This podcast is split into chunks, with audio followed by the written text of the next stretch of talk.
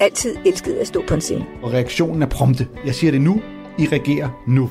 Jeg, jeg synes, det er enormt fantastisk at gøre folk glade fra en scene. Jeg får stadig, efter 40 år, får jeg et kig. Hvad sker der, når jokes bliver uden latter, teater uden øjenkontakt, koncerter uden bevægelse, fællessang, sved og fadøl? Kan man det?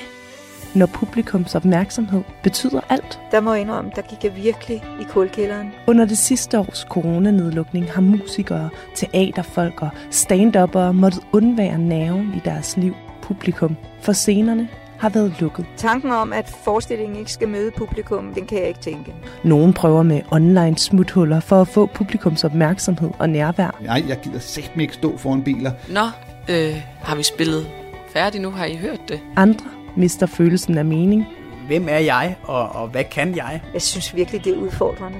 Jeg synes, det er deprimerende. Radio 4 har fulgt fire danskere, der har dedikeret deres liv til samspillet med publikum. Griner du en lille smule, eller griner du en stor smule? Hver især kæmper de med at finde en ny vej, en ny identitet i et coronanedlukket Danmark. At stå i en sal, hvor der sidder nogle mennesker og trækker vejret sammen med mig, det er for mig det største udtryk for nærvær. Her er Radio 4-serien Scenen er lukket.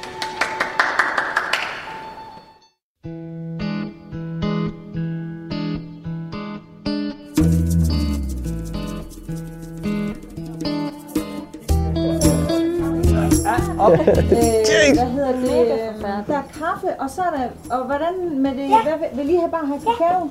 Eller vil I skal, jeg skal hente noget. Hvad, hvad drikker I? vi har, vi har. Vi har sådan Jeg vil gerne have en espresso. Musiker og revykapelmester Andreas Svaneborg fra Vrå i Nordjylland er til familiefødselsdag hos kæresten, Pias faster og onkel. Og hvad med jer? Er det godt at være tilbage på pinden? Ja. Eller er det hårdt? Eller er det... Altså, det, det er sådan lidt blandet, fordi jeg er faktisk rigtig, rigtig glad for at være i gang med at Ja. arbejde. Men jeg er faktisk lidt stresset. Jeg synes, jeg har haft Det er længe siden de to familier har været samlet, og der er meget Andreas og Pia har brug for at tale om. De er blevet forældre. Pia er begyndt at arbejde efter barsel, og Andreas arbejdssituation er blevet meget usikker, fordi han hverken kan optræde med bands eller revyer under coronanedlukningen. Hvad med dig, Andreas? Klarer du det psykisk? Ja. Jamen, det er, det er næsten der, det, det er største problem.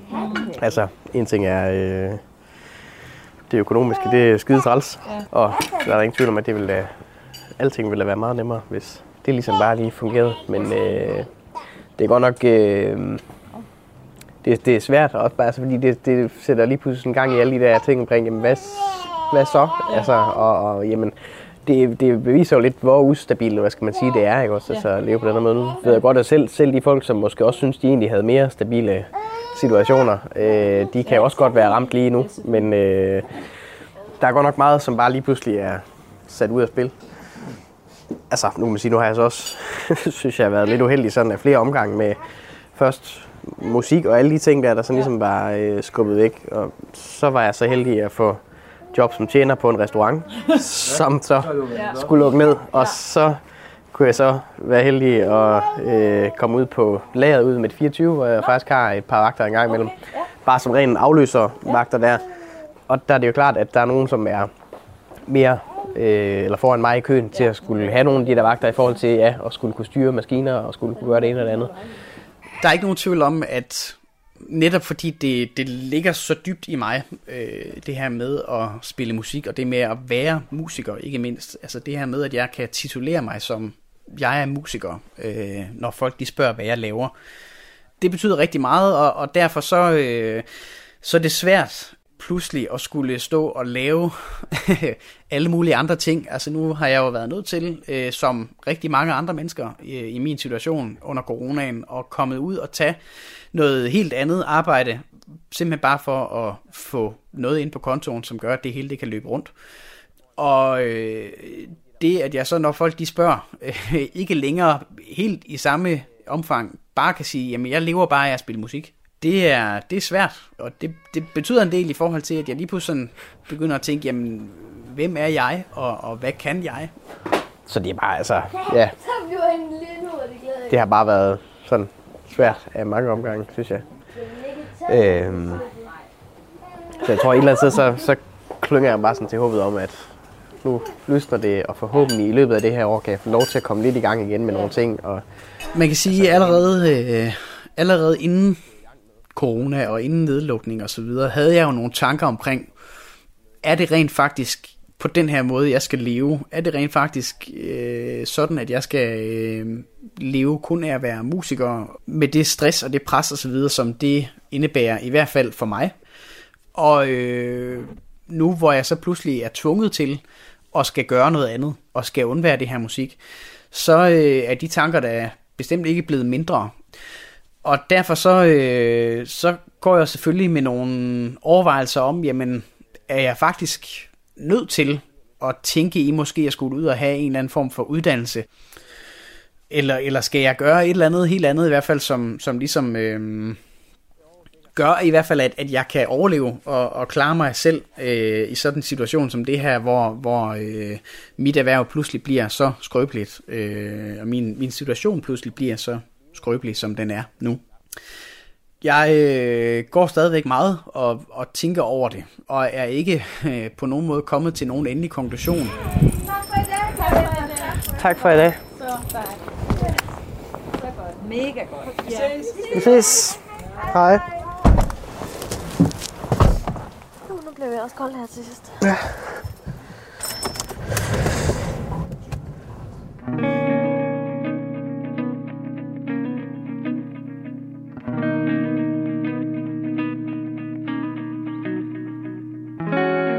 For mange kunstnere har coronanedlukningen betydet mindre arbejde.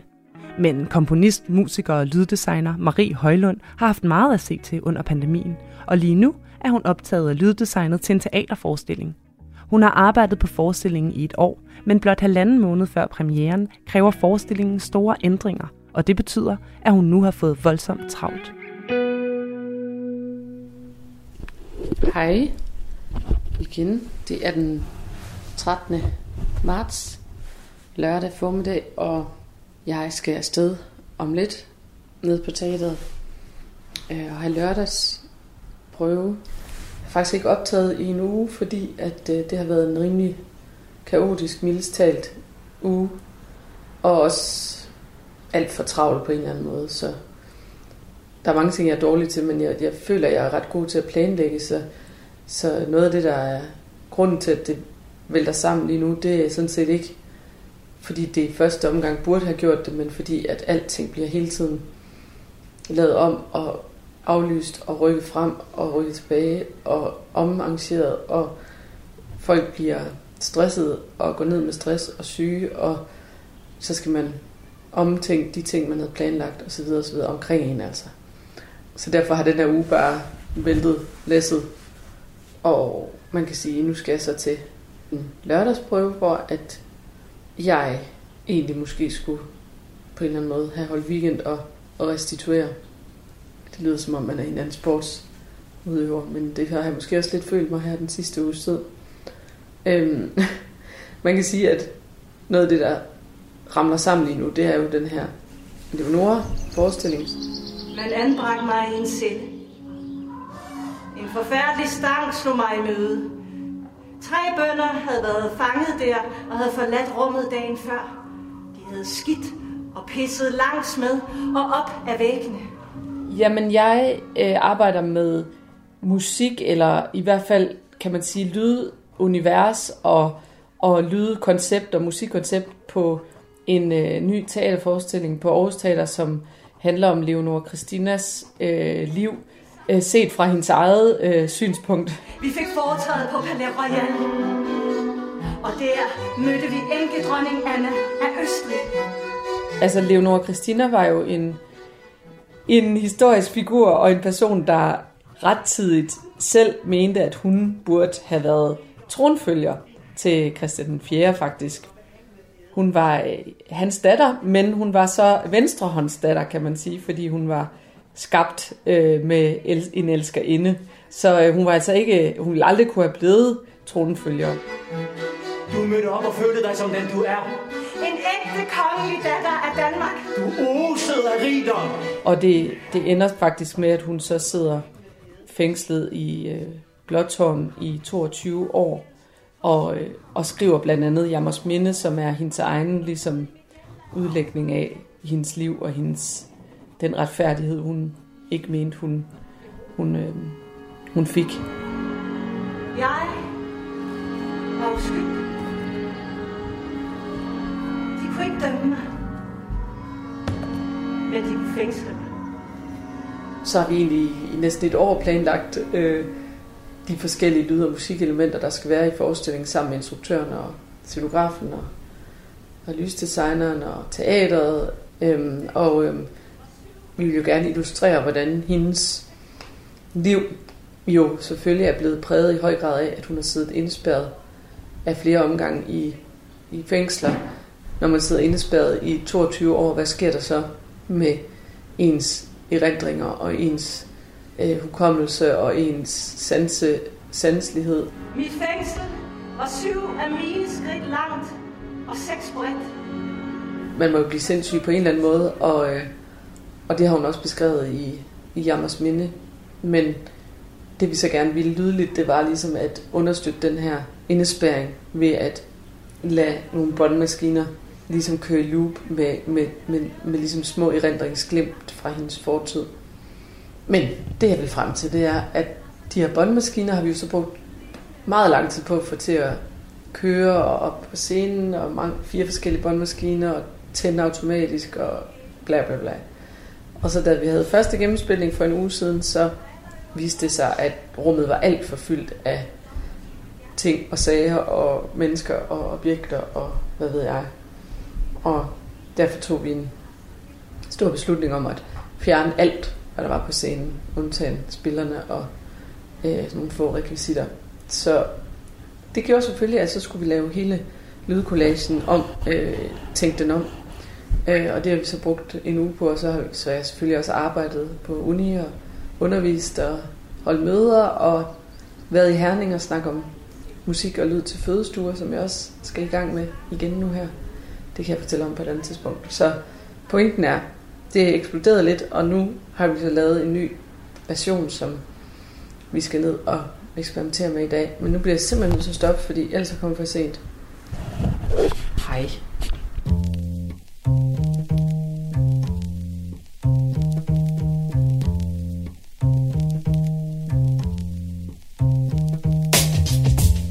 Lytter til Radio 4-serien Scenen er lukket. Her følger vi nogle af Danmarks mange udøvende scenekunstnere i deres forsøg på at overleve, at coronarestriktioner har gjort det umuligt at optræde for et live-publikum. En af dem er stand-up-komiker Anders Fjelsted fra Holte, nord for København. Under pandemien har han kastet sig ud i alternative arbejdsopgaver for at tjene penge. Han har blandt andet været online bankovært og lavet stand-up foran et publikum i biler. Uden latter, uden øjenkontakt og uden klap. I dag er han på vej til endnu en ny opgave, men denne gang skal han hverken optræde eller være sjov.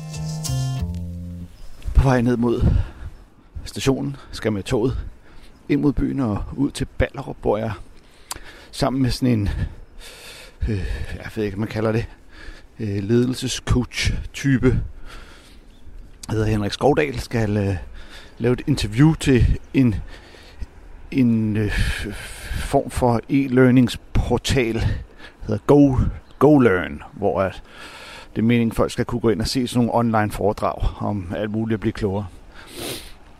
Og der laver ham Henrik Skovdal noget om øh, at være sjov, om det er noget, man kan lære, om at bruge humor i øh, sin øh, ledelsesstil, og han har skrevet en bog, der hedder Sig noget seriøst sjovt. Og øh, ja, det er jo noget lidt andet, end at øh, skulle ud og få folk til at grine, men nu skal jeg mere bruge den faglighed, der ligger omkring det. Og så har jeg jo også gået og pynset lidt på, om det er noget, man skal til at supplere sin comedy-indkomst med på en lidt længere bane. Jeg begynder at undervise lidt i stort set den eneste ting, jeg igennem mit liv rent faktisk har lært og ved noget om. Jeg begyndte jo at lave øh, stand-up, øh, da jeg var direkte ud af gymnasiet. Jeg begyndte jo for så vidt allerede i gymnasiet, øh, i, som en del af, for at genere undervisningen og et morgensamlingsindslag og lignende. Men øh, det betyder, at jeg jo aldrig rigtig har fået taget nogen rigtig uddannelse, andet end øh, noget reklameskoleværk. Så alle mine øh, faglige kompetencer ligger inden for øh, det her med formidling og komik og lignende. Så man kan sige, hvis man på et tidspunkt skal udvide øh, sine, horisont og sine evner, så er det jo meget naturligt at gå i retning af at, at give, give den viden videre, som jeg har fået nu, den, de faglige kompetencer, jeg har, de er inden for det her. Øhm, så hvis der er nogen, der skal ja, det der med at kunne tage ud og fortælle folk om, hvad er de komiske virkemidler, hvordan laver man en joke, hvorfor griner folk af det her, det er ligesom det er noget af det, jeg ved noget om, og det er den ekspert, ekspertise, jeg har fået gennem, øh, gennem mange år rende rundt og prale af, at jeg ikke har nogen ekspertise inden for noget som helst, andet end at, andet end at fjolle. Jeg er lidt spændt på det, for det er noget lidt andet end normalt, og så samtidig er det jo meningen, det skal op og ligge på øh, store interwebs, så hvis jeg fucker det op, så kan de kigge på det om tusind år hvis internettet stadig fungerer til den tid. Men øh, til gengæld får man øh, noget løn for det, og det er jo en særlig sjælden ting i, i disse tider, som man skal lære at øh, værdsætte.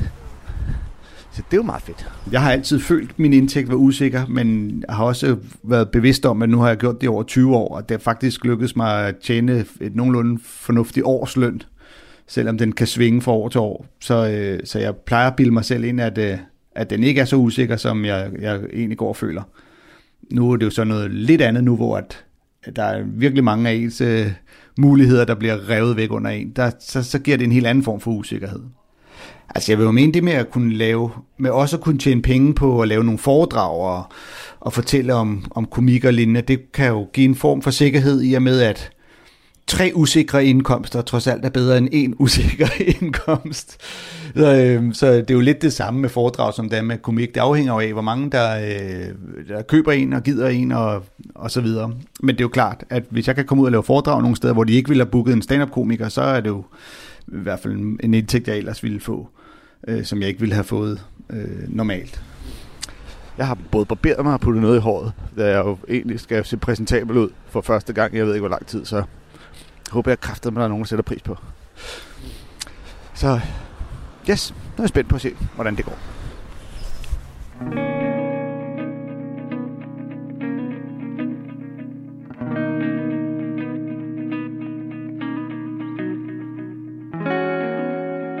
Lyddesigneren Marie Højlund har de seneste uger haft ekstraordinært travlt med at færdiggøre en ny lydkollage til teaterforestillingen Sandhedens Dronning. Men bare få dage før den længe ventede premiere, får hun og resten af holdet en nedslående besked. Det er den søndag den 28. marts, og øhm, jeg har ikke optaget i noget tid, faktisk to uger. Grunden til, at der er gået to uger, det er fordi, at der har virkelig været mange udfordringer, og i tirsdags den 23. Der meddelte regeringen, at restriktionerne skal langsomt udfases, men at hverken teatre eller jo, spillesteder blev nævnt, men ikke festivaler og heller ikke rammerne for, hvad der kommer til at ske, at der var ikke noget håb for den her teaterforestilling, som vi har arbejdet på løbende i et års tid. Øhm, fordi den skulle nemlig spille, den skulle have premiere i torsdags, det vil sige den 25. Og så skulle den have spillet i hvert fald en måned, det vil sige frem til slutningen af april, starten af maj. Og det som regeringen meddelte, det var, at teaterne kan åbne lidt op fra 6. maj. Så det er lige præcis for sent. Øhm, og vi har selvfølgelig hele tiden frygtede det, men jeg tror af en eller anden grund, så jeg ved ikke om det er sådan en overlevelsesmekanisme, så, så har vi på produktionen ligesom taget udgangspunkt i, at efter påske, så vil der nok ske noget. Der troede, troede vi egentlig, at teaterne så kunne åbne op for et mindre publikum måske. Så det der med ligesom at være i opløb, altså det vil sige lige op til en premiere, så, så er det jo altid eller altid, det lyder som om jeg har gjort det 100 gange, men indtil videre de gange, jeg har prøvet det, så er det altid en meget intens periode, hvor at alle de tingene, puslespilsbrikkerne skal falde på plads, og man begynder at kunne mærke, hvad det er, man står med, og glæde sig til, at publikum skal se det og høre det. og arbejde rigtig meget og aften og energi ind i det. Og så ligesom den energi, som man skal bruge til det, kombineret med så at få den besked to dage før den premiere, vi skulle have haft. Det, det har taget hårdt på alle, og ja, så det blev ikke til noget.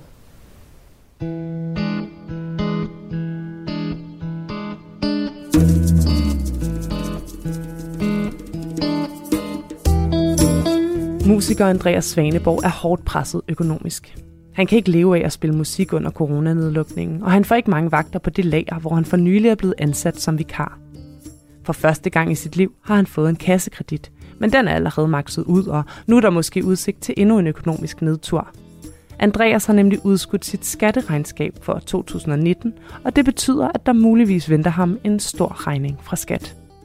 På en næsten tom benzintank er han på vej til møde med sin revisor for at få den endelige dom.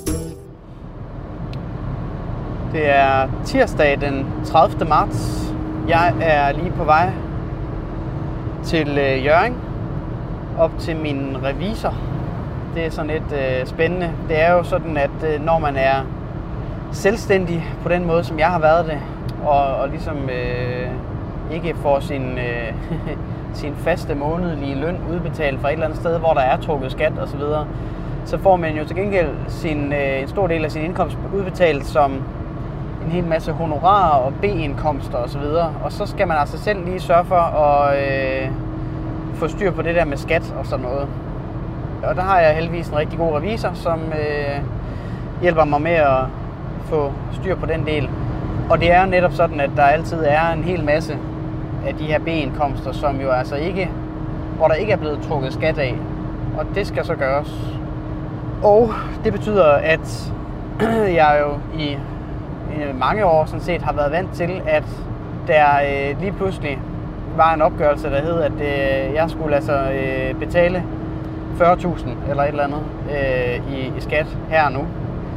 Og det har jeg så gjort, øh, og så har det ligesom været ude af verden, så har alt været i orden igen. Og det har jeg kunnet gøre, fordi jeg netop har været en af de fornuftige, der lever på den måde, som jeg gør, som har sørget for at sætte øh, penge af, sætte penge til side løbende, sådan at der var en opsparing til ligesom at kunne betale den her store udgift, øh, der pludselig kom til skat. Øhm, men til trods for, at vi nu er i 2021, så er det faktisk 2019, jeg skal op og snakke med min revisor om, fordi den har vi stadigvæk ikke nået at få styr på. Fordi det skulle vi have gjort i løbet af sidste år, men øh, der var lige noget benzinmåler, der gik i nul. Det skulle vi have gjort i løbet af sidste år, men fordi situationen så lige pludselig var, som den var, med corona og alt det her, så har jeg simpelthen ikke øh, ja, fået øh, gjort noget færdigt til ham. Og, og samtidig har jeg faktisk også haft sådan en frygt for, og det er nok en lidt af den største årsag til, at øh, det er blevet skubbet lidt til først at være nu, vi skal mødes. Jeg har simpelthen haft en frygt for, hvordan ser det ud, og hvad, øh, hvad kommer øh, regningen til at lyde på, og så videre, fordi jeg har ingen penge at betale med. Altså, det er så ganske enkelt. Jeg har ikke en øre øh, at kunne betale den skatteregning med, der måtte komme. Fordi hele den der opsparing, som jeg jo netop som sagt plejer at have, den øh, er jo altså blevet øh, brugt i løbet af hele sidste år på ganske enkel overlevelse. Altså simpelthen bare til at kunne betale husleje og øh, betale mad og sådan helt basalt. Jeg kan godt mærke, at det bliver, øh, det bliver mere og mere presset efterhånden med, øh, med humør og overskud og sådan noget i forhold til, at det er svært at, øh, ja, at, at, at vide, hvor lange udsigter der er øh, for noget som helst. Og øh, tanken om det her med at skulle være hjemmegående husfar, som jo er noget, vi har snakket om herhjemme, som, som jo faktisk var, var min kærestes idé og forslag, synes jeg er meget tillokkende på mange måder i forhold til alt det, vi nu har snakket om omkring det, med hvor meget det skulle være for, at jeg kunne få noget ro i mit hoved, og, og gå og selv gøre mig nogle overvejelser uden et pres øh, omkring, hvad jeg, skulle, øh, hvad jeg skulle med mit liv, og, og, og hvor jeg ligesom skal hen af. Og det kan jeg stadigvæk bestemt se noget rigtig, rigtig godt i. Indtil nu, så, så har vi ikke sådan gået all in på det, blandt andet fordi, at jeg lige fik muligheden for at komme ud og, og kunne arbejde lidt ud på lageret på mit 24 der i Lykken. Der kunne jeg jo helt tydeligt mærke fra start, eller med det samme der, at, at det var enormt rart selv at have en følelse af også at tjene nogle penge. Altså selv at kunne både, både for mig selv, altså at, at tjene nogle penge ind, det at der rent faktisk kom noget ind på kontoen, men, men også sådan for, for familiens skyld det her med, at jeg ligesom havde en fornemmelse af trods alt at være med til at bidrage til et eller andet. At, at det ikke bare var, var øh, min kærestes indtægt, der ligesom skulle øh, forsørge os alle sammen. Men der er bare ikke rigtig kommet noget nyt ind. Øh, så den er altså bare blevet øh, stille og rolig et op, kan man sige, den opsparing. Og øh, det betyder jo, at det lige er lidt, øh, lidt spændende og lidt nervepirrende og alt muligt, jeg skal ind og, og snakke med ham nu. Ikke så meget det, at skulle snakke med ham, fordi han er sådan set rigtig flink. øh, men øh, ja, det er jo mere hele, hele den samlede situation og, øh, og den følgende regning og alt det her. Ja, nu vil jeg i hvert fald øh, gå op og snakke med ham og høre, hvad han har at sige. Forhåbentlig så er det noget godt, selvom jeg virkelig har min store tvivl.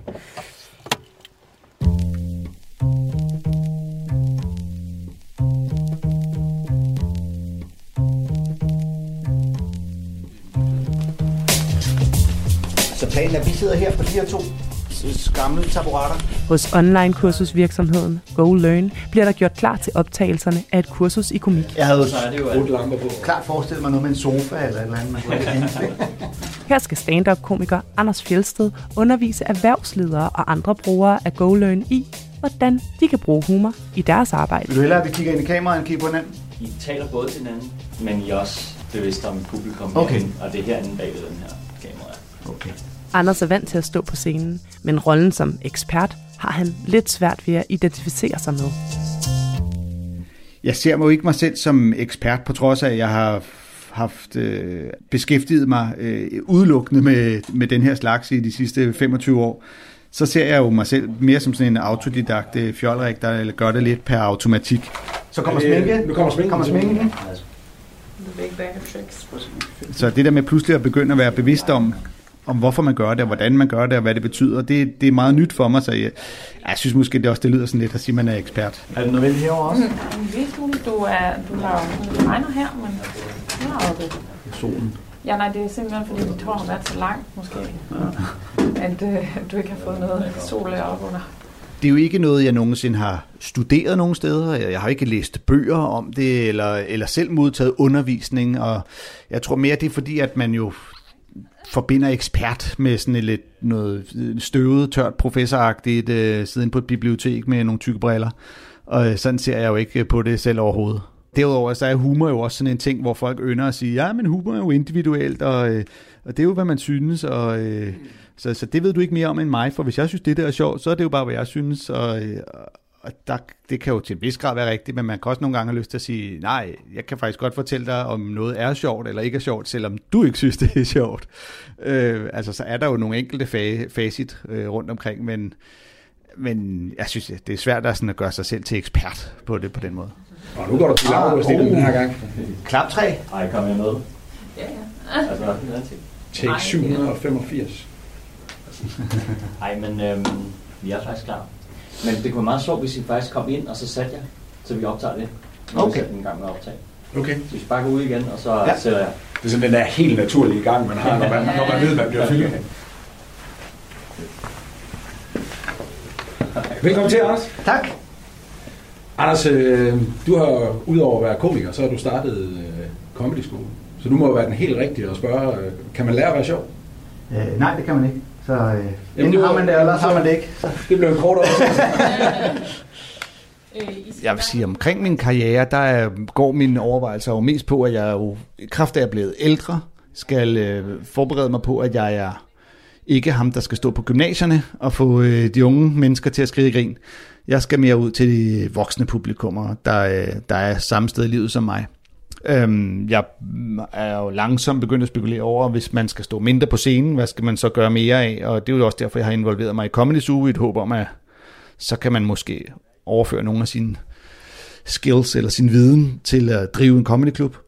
Jeg har jo begyndt i højere grad at lave nogle øh, foredrag, hvor man fortæller om øh, komiske virkemidler, øh, og hvordan man øh, laver jokes og formidler øh, morsomt øhm, som jeg tænker, man måske vil kunne gøre i højere grad, hvis man laver mindre stand-up. Vi siger bare til, når vi skal begynde at snakke, så snakker vi. Jamen, øh, det må vi gerne. Anders, hvis man skal have andre mennesker til at grine, mm. hvad, hvad er det vigtigste at vide der?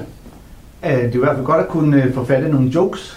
Hvis ikke du kan se helt vildt dum ud, eller øh, smide tøjet og løbe skrine omkring, så skal du kunne fortælle nogle jokes. Ja. I de fleste sammenhænge er jokes nok at foretrække. Og hvad, hvad er grundessensen i en god joke? Ja, men altså, det er jo overraskelse. Når man griner, er det som regel, fordi man bliver overrasket. Ja. Det er, det er sådan helt grundessensen i, uh, i komik, at man hører noget, man ikke forventer at høre, og så synes man, det er sjovt, og så griner man. Nogle gange kan man også grine, hvis man bliver forskrækket. Uh, ja. Der kan komme ind og sige bøl, og så, og så bagefter, fordi ja. det er sådan en naturlig reaktion på, at man bliver overrasket. Så når du skal lave en joke, så skal du overraske modtageren. Okay. Hvordan, når du skal konstruere en joke. Mm. Hvordan leger du så med det?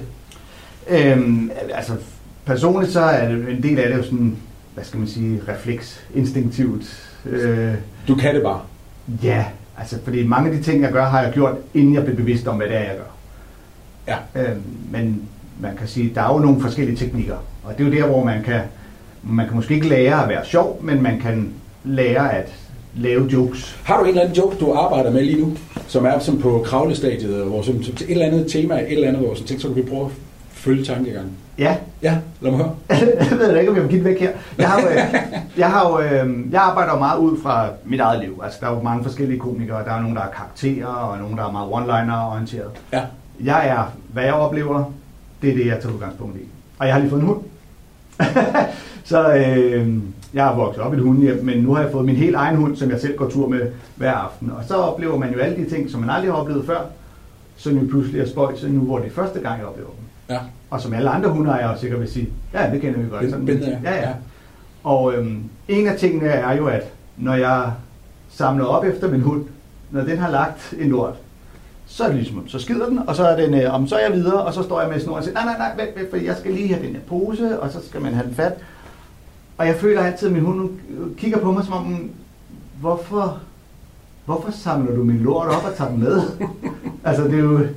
Og jeg kan jo godt se, hvorfor den synes, det virker lidt mærkeligt. Ja, ja. Altså, men, du skal, skal du have den med hjem, din freak? altså, hvis du er så glad, jeg kan lægge en ny hjem i haven. Øh, der er ingen grund til, at du tager den med. Lad den bare ligge. Øh, der er grund til, at jeg gjorde det herude i græsset. Ja. Og det synes jeg selv er en øh, sjov betragtning, fordi at... Og et eksempel på noget, der er blevet almindeligt, at vi gør, fordi vi ikke vil have hundelort liggende under det, men, men sådan set lidt udefra, så er det faktisk en ret absurd situation. Ja, præcis. Ikke? Så vælger man pludselig at tage og se det fra hundens vinkel. Ja, jeg tror, det er Jerry. Jeg håber jo, der kommer det ud af at begynde at lave foredrag også, at ja, der kommer en højere grad af økonomisk stabilitet, at man kan begynde at tjene nogle penge der, hvis at indtægterne ved at lave stand-up begynder at, øh, at falde. Øhm, altså i en ideel verden vil det måske også betyde, at der kommer en fornyet interesse omkring min person, hvis folk ligesom finder ud af, at Nå, det er ham der, der ved en masse om det, så vil vi også gerne se ham lave stand-up. Og øh, på den måde kan det måske også øh, give noget interesse i forhold til at booke mig som komiker, som jo stadigvæk er det, jeg synes er det allersjoveste.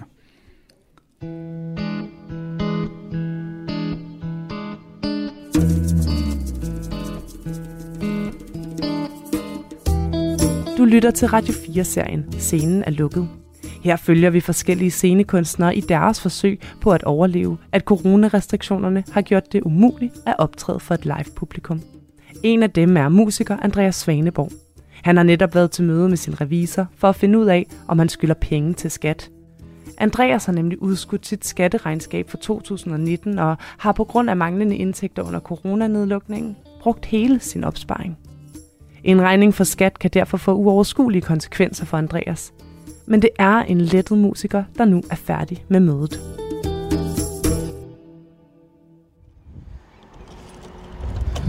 Så er jeg sluppet ud fra revisoren. Øh. Jeg frygtede jo selvfølgelig det værste, fordi nu var vi jo tilbage og skulle have styr på 2019. Smører jeg lige mine hænder med håndsprit her. Det larmer lidt. Øhm, og gudskelov, så øh, fandt vi faktisk nok frem til, at øh, det ikke var helt så slemt, som, øh, som jeg havde frygtet. Jeg skal ikke betale helt så mange penge i skat, fordi jeg ikke har tjent nogen penge. Øh, øh simpelthen jo fordi 2020 har været det år, som det har. Øh, det, var, det var virkelig rart.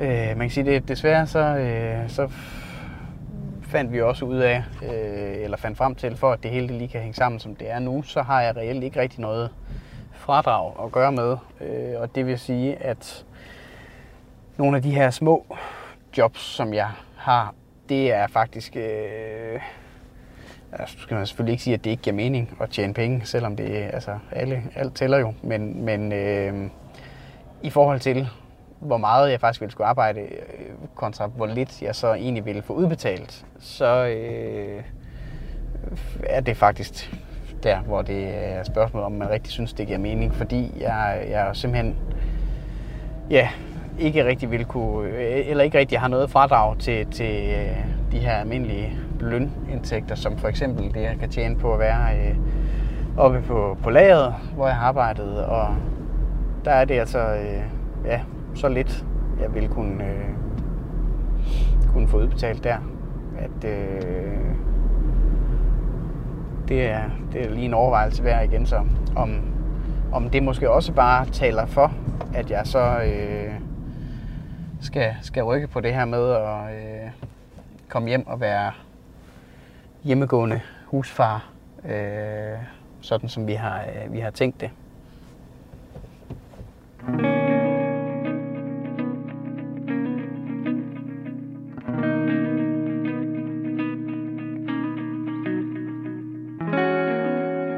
Det har taget hårdt på lyddesigner Marie Højlund, at teaterforestillingen Sandhedens Dronning er blevet aflyst bare få dage før premieren. I dag skal hun mødes med kollegaen Astrid Sonne for at vende den usædvanlige situation, og hvordan man forholder sig til, at et værk, man har brugt et år på at skabe, formentlig aldrig vil blive vist for et publikum. Øh, jeg går i København den 18. maj.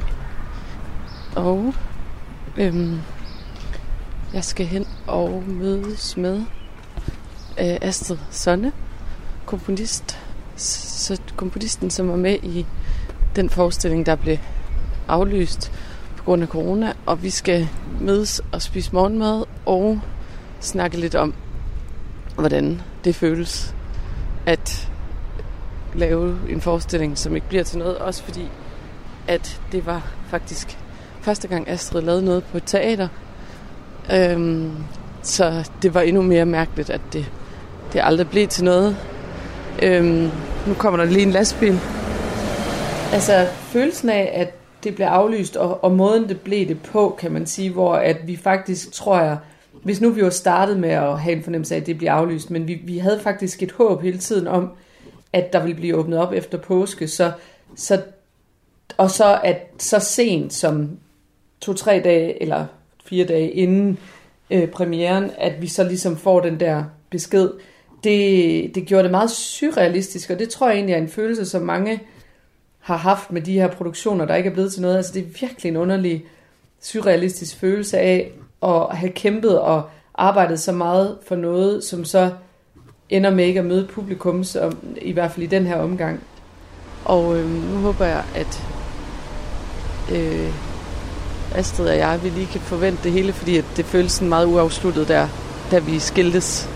Nu kommer der en fejemaskine. Øh, jeg slukker lige ind til, at Astrid kommer. Og nu sidder vi så her på en café og skal spise morgenmad sammen. Og jeg tænker jo også et eller andet sted, at jeg også gerne vil høre, hvordan du oplevede det. Mm. Øhm, altså et er jo ligesom, at det blev aflyst. Mm. Noget andet er jo, at det jo også var ligesom din første teater-ting, Mm. mm. oplevelse. Men, men vi har jo snakket løbende også om det der med, med corona og corona-kunst, Mm. og sådan, Mm. hvordan det er. Så, Mm. så egentlig så, så øh,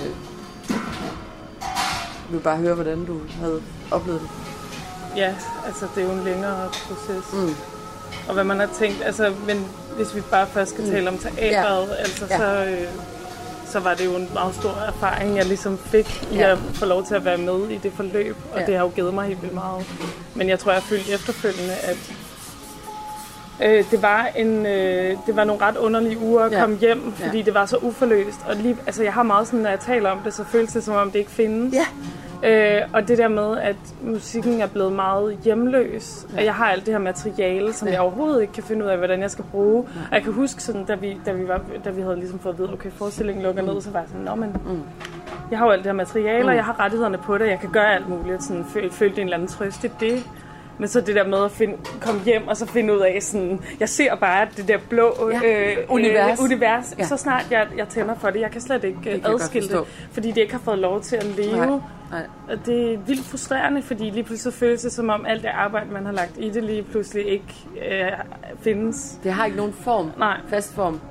Og så, så jeg har det på samme måde som dig, Mm. det der med tanken om, altså man tænker bare det blå der. Mm. Altså den der scenografi Ja. var jo bare sådan en blå kasse. Ja. Så ligesom sådan, hver gang man lukker øjnene og tænker Leonora, så kommer den der blå kasse. Ja. Men på, på en lidt, lidt ligesom når man har sådan nogle mareridt, eller der vil, ja. ikke mareridt, det er jo ikke, det er jo ikke dårlige minder, men Nej. forstår du, jeg Nej, mener? nej. Noget, som ikke er forløst, noget, Ja, der ikke ja. har fået Ja. en øh, form, som Ja. føles så... Jeg synes, det er meget svært. Ja, men det er jo også det der med, når det er lavet. Altså, det er Ja. jo lavet til at Ja. blive vist for et publikum, ja. og når det ikke får den del med, så er det bare... Føles det ikke rigtigt som værende noget, Nej. fordi... Det Jeg gør ved det. ikke, hvordan man skal forholde sig Nej, til det. nej. Så det... Øh, hvad, hvad og altså lige nu står det stadig og har det meget børnehjemsagtigt. Ja. Altså alle de der ting står på en eller anden playlist. Det er sådan lidt sådan noget, hvor man ikke rigtig har nogen ord, fordi at det virker også så absurd, at de her hjælpepakker er skruet sådan sammen på teateret, at altså man skal lave produktionen færdig, så at sige. Øhm, bygge al scenografi, lave alle kostymer, alting, selvom den så ikke kommer til at spille. Så det er jo også enormt ressourcer, både økonomisk, men også mentalt og kunstnerisk, der bliver lagt ind i det. Og det er klart, at man får også noget ud af den proces og den øh, undersøgelse, det er at lave det. Men, men samtidig vil jeg også sige, at man kan mærke, hvor meget det er drevet af. Selvfølgelig, at det skal vises til nogen, det er klart. Ja, nu er jeg på vej hjem til Aarhus, og det var dejligt at snakke med Astrid om det hele. Hvad hedder det? Øh, jeg tror, vi har meget haft samme tomhedsfølelse i forhold til, øh, at det blev lagt ned. Øh, men sådan er livet jo også bare, og det er nok ikke sikkert, det er sidste gang, at, øh, at verden kan forandre sig lige pludselig fra den ene dag til den anden. Det er jo på en måde nok måske den nye virkelighed, vi er i. Og det tror jeg bare ikke, der var nogen af os, der havde tænkt dengang, hvor der blev lukket ned første dag, at det her, det, det, var, et stort, det var noget, vi også skulle sidde og kæmpe med et år efter, mere end et år efter, og måske endda se som en ny virkelighed. Så nu vil jeg tage mundbind på og vise coronapas, så jeg kan få en kop kaffe, og så tage hjem til Aarhus.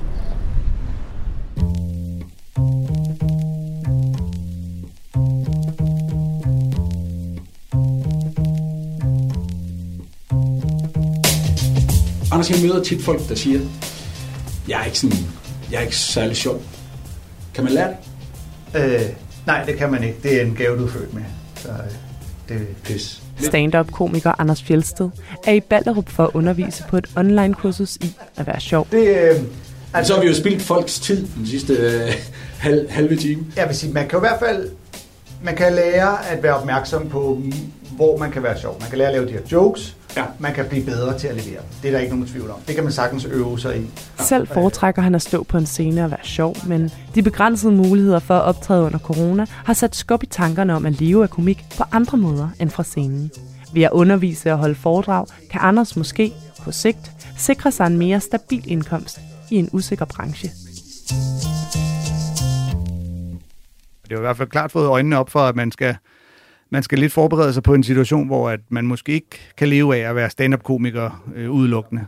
Så har man ligesom fundet ud af, at man skulle hellere sikre mig lidt. Da jeg var en ung knægt, der sagde mine forældre og min søster hele tiden, du skal få dig en uddannelse. Du kan ikke satse på det der komik. Og sådan et, hold jer skæft, selvfølgelig kan jeg det. Nu øh, her, 25 år efter, er jeg måske ved at gå op for mig, at der var noget om snakken. Hvad, øh, hvad, hvad mangler vi, savner vi her? Jamen, øh, Karina vil gerne have nogle spørgsmål. Og så tror jeg bare, det er det sidste. Hvad tænker du på? Men det er fordi, at jeg ved ikke, om du kan huske sidst, men der bad vi dig om at sige nogle retoriske spørgsmål ind til kameraet. Uden at svare på den, men bare sådan Ja, bare sådan nogle spørgsmål, men som man ligesom forventer bliver besvaret i løbet af kurset. Hvad er det, det skal bruges til? Det er det sådan noget teaser og ting, et eller Altså, det er jo et minut sammenklip, som vi bruger for at annoncere kurset. Øhm, kunne man sige sådan noget i retning af, øhm, har kedelige Connie nede for regnskab øh, fået humoristisk sans, når hun har set det her kursus? Det kunne man sagtens. Nej. Men måske har hun rent faktisk lært at sige noget sjovt. Mm. Prøv, prøv at fyre den. Jamen prøv at fyre den af med sådan nogle ting der.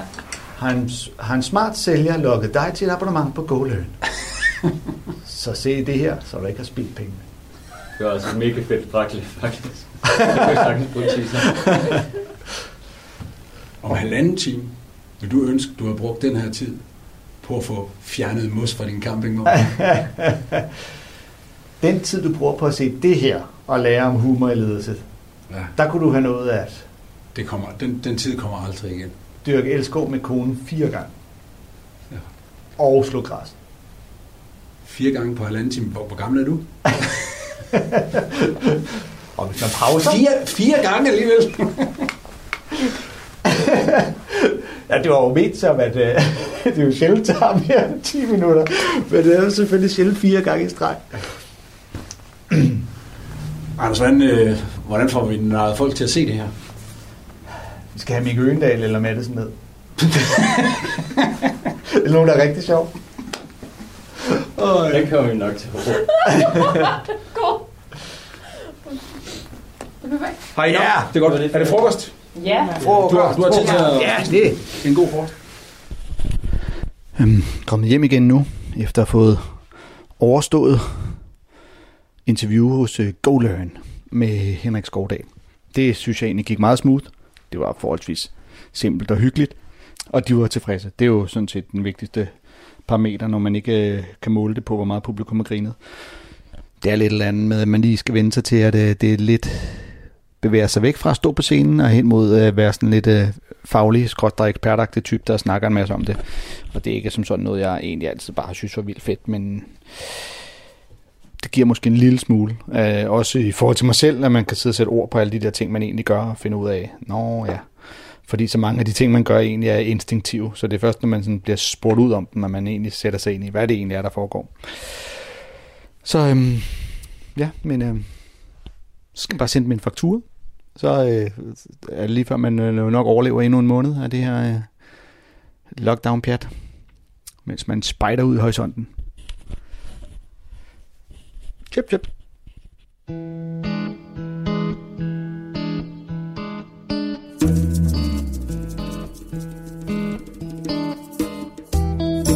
I månedsvis har Andreas Svaneborg været tynget af, at han ikke kan leve af at spille musik under coronanedlukningen. Og vikarvagterne på lageret er så få, at det stort set ikke kan betale sig at arbejde der.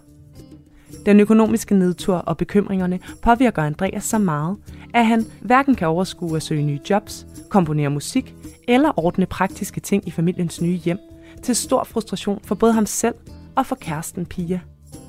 Noget måske, og spørgsmålet er, om familien skal prøve at leve udelukkende af Pias løn, så Andreas kan blive hjemmegående husfar.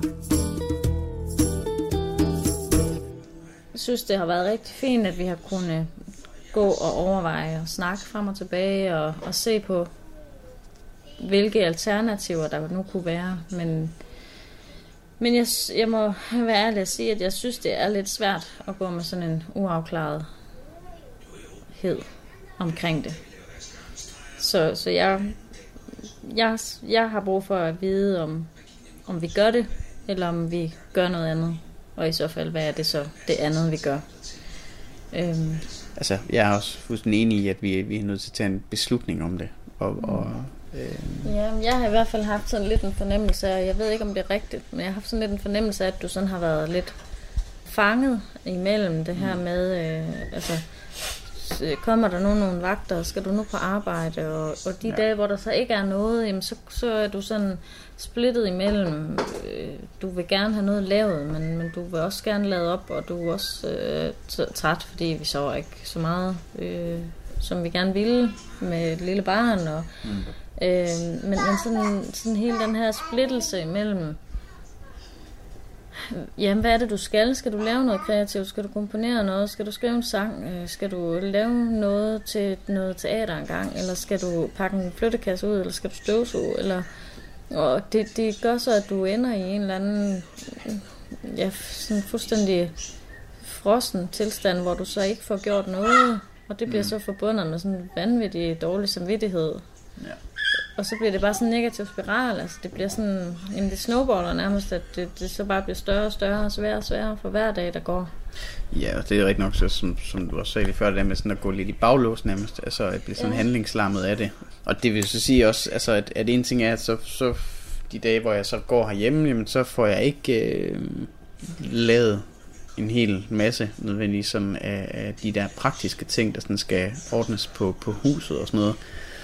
Men selv hvis jeg så en gang imellem sådan lige tænker, at i dag kunne det fandme også være hyggeligt bare at få set en af de film, som jeg rigtig godt kunne tænke mig at se, som jeg måske har en fornemmelse af, at det ikke lige er noget, du gider at være med på, og så er det måske meget smart, at jeg så kan udnytte, at du er væk 8 timer om dagen, og så kan jeg få gjort det. Øh, men det får jeg heller ikke engang gjort, fordi jeg bare sådan kommer til at sidde og køre lidt rundt i, jamen jeg, jeg skulle også sådan og sådan, og jeg burde også det og det, og, mm. men nu skal jeg også lige prøve at tjekke op på et eller andet, og jeg skal også lige have undersøgt noget i forhold til måske noget arbejde, der kunne være et eller andet, og sådan og sådan og sådan. Mm. Men er det så fordi, du tror, at, at jeg, vil, jeg vil synes, det var for dårligt af dig, at du ikke havde lavet noget? Eller, altså, Mm. Eller, altså, hvordan, Jamen, altså- er det, hvordan, tænker du det i forhold til mig? Altså, fordi min tanke er jo, at det netop skulle være sådan et fripas til dig, sådan en, en mulighed for netop at gøre det. Altså, det, det vil give dig en mulighed for den ene dag, og så sige, i dag gider jeg bare kun at komponere. Og den anden dag gider du så at lave madplan og købe ind til de næste 14 dage, og Mm. bygge en sandkast til Eivind, eller hvad det nu kan være. Altså, jeg, jeg tænker jo netop, at det, det er sådan en enestående mulighed for dig, for netop at kunne tage en hel dag med film Mm. på sofaen, eller Playstation, eller hvad det nu er. Men, men jeg kan jo også se noget godt i det for mig. Altså, jeg kommer hjem til dig, som er fyldt med overskud, og altså, glad og tilfreds, og har hygget dig, fordi du har haft muligheden for at gøre lige præcis det, du havde lyst til i dag. Og selvfølgelig er der også noget i, at, at så forventer jeg da også, at du gider at købe ind og tage dig af de værste grove ting, men, men jeg mener jo stadig, at vi skal hjælpe sig med tingene. Altså, det har altid passet os bedst, at jeg har ordnet vasketøjet, og det tænker jeg da, at det fortsætter jeg da med, fordi det passer også mig bedst, at jeg gør det. Men det handler jo lige så meget om, at jeg, jeg jo også trænger til, at du har det godt. At du øh, har overskud, og at du er et sted i livet, hvor du har ro i maven. Og jeg trænger også til, at vi kommer ud af en offerrolle. Altså som vi ufrivilligt er landet i, fordi der har været nogle ting, som Mm. vi ikke har kunnet styre. Men, men jeg trænger til, at vi siger, at det her det er noget, vi har bestemt. Det er ikke noget, nogle ydre omstændigheder har, har tvunget ned over os. Altså, nu har vi regnet på det, og vi har...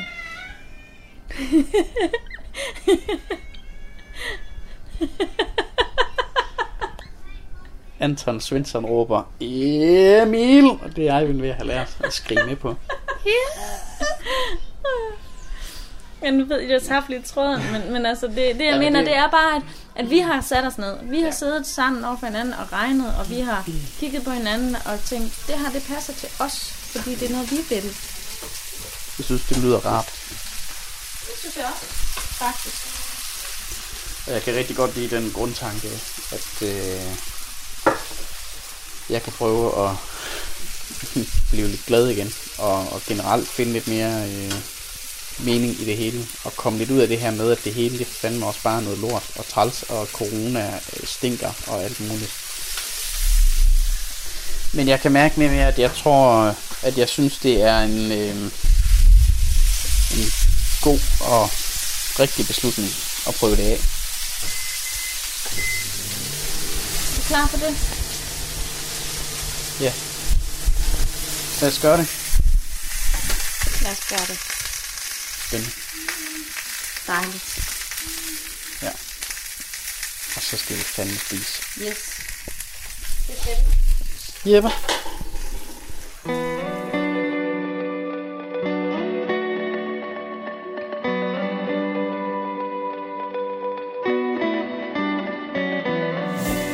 Har lyttet til 6. afsnit af Scenen er lukket. I udsendelsen medvirkede Andreas Svaneborg, Marie Højlund og Anders Fjelsted. Desuden hørte du Astrid Sonne, Pia Bølgestrand, Eivind Bølgestrand Svaneborg, Tina Vestergaard, Henrik Skovdal, Karina Skovbo og Thomas Hyttel. Jeg, Katrine Volting Speaker, og Christine Sølling Møller, jeg Nørgaard og Cecilie Sønderstrup har tilrettelagt. I næste afsnit af Scenen er lukket, skal Anders med til genåbningen af Comedy Zoo. Andreas smager på livet som hjemmegående husfar, og for første gang i månedsvis skal Ina Miriam fremføre en forestilling foran et live publikum. Hør Scenen er lukket som podcast eller på Radio 4.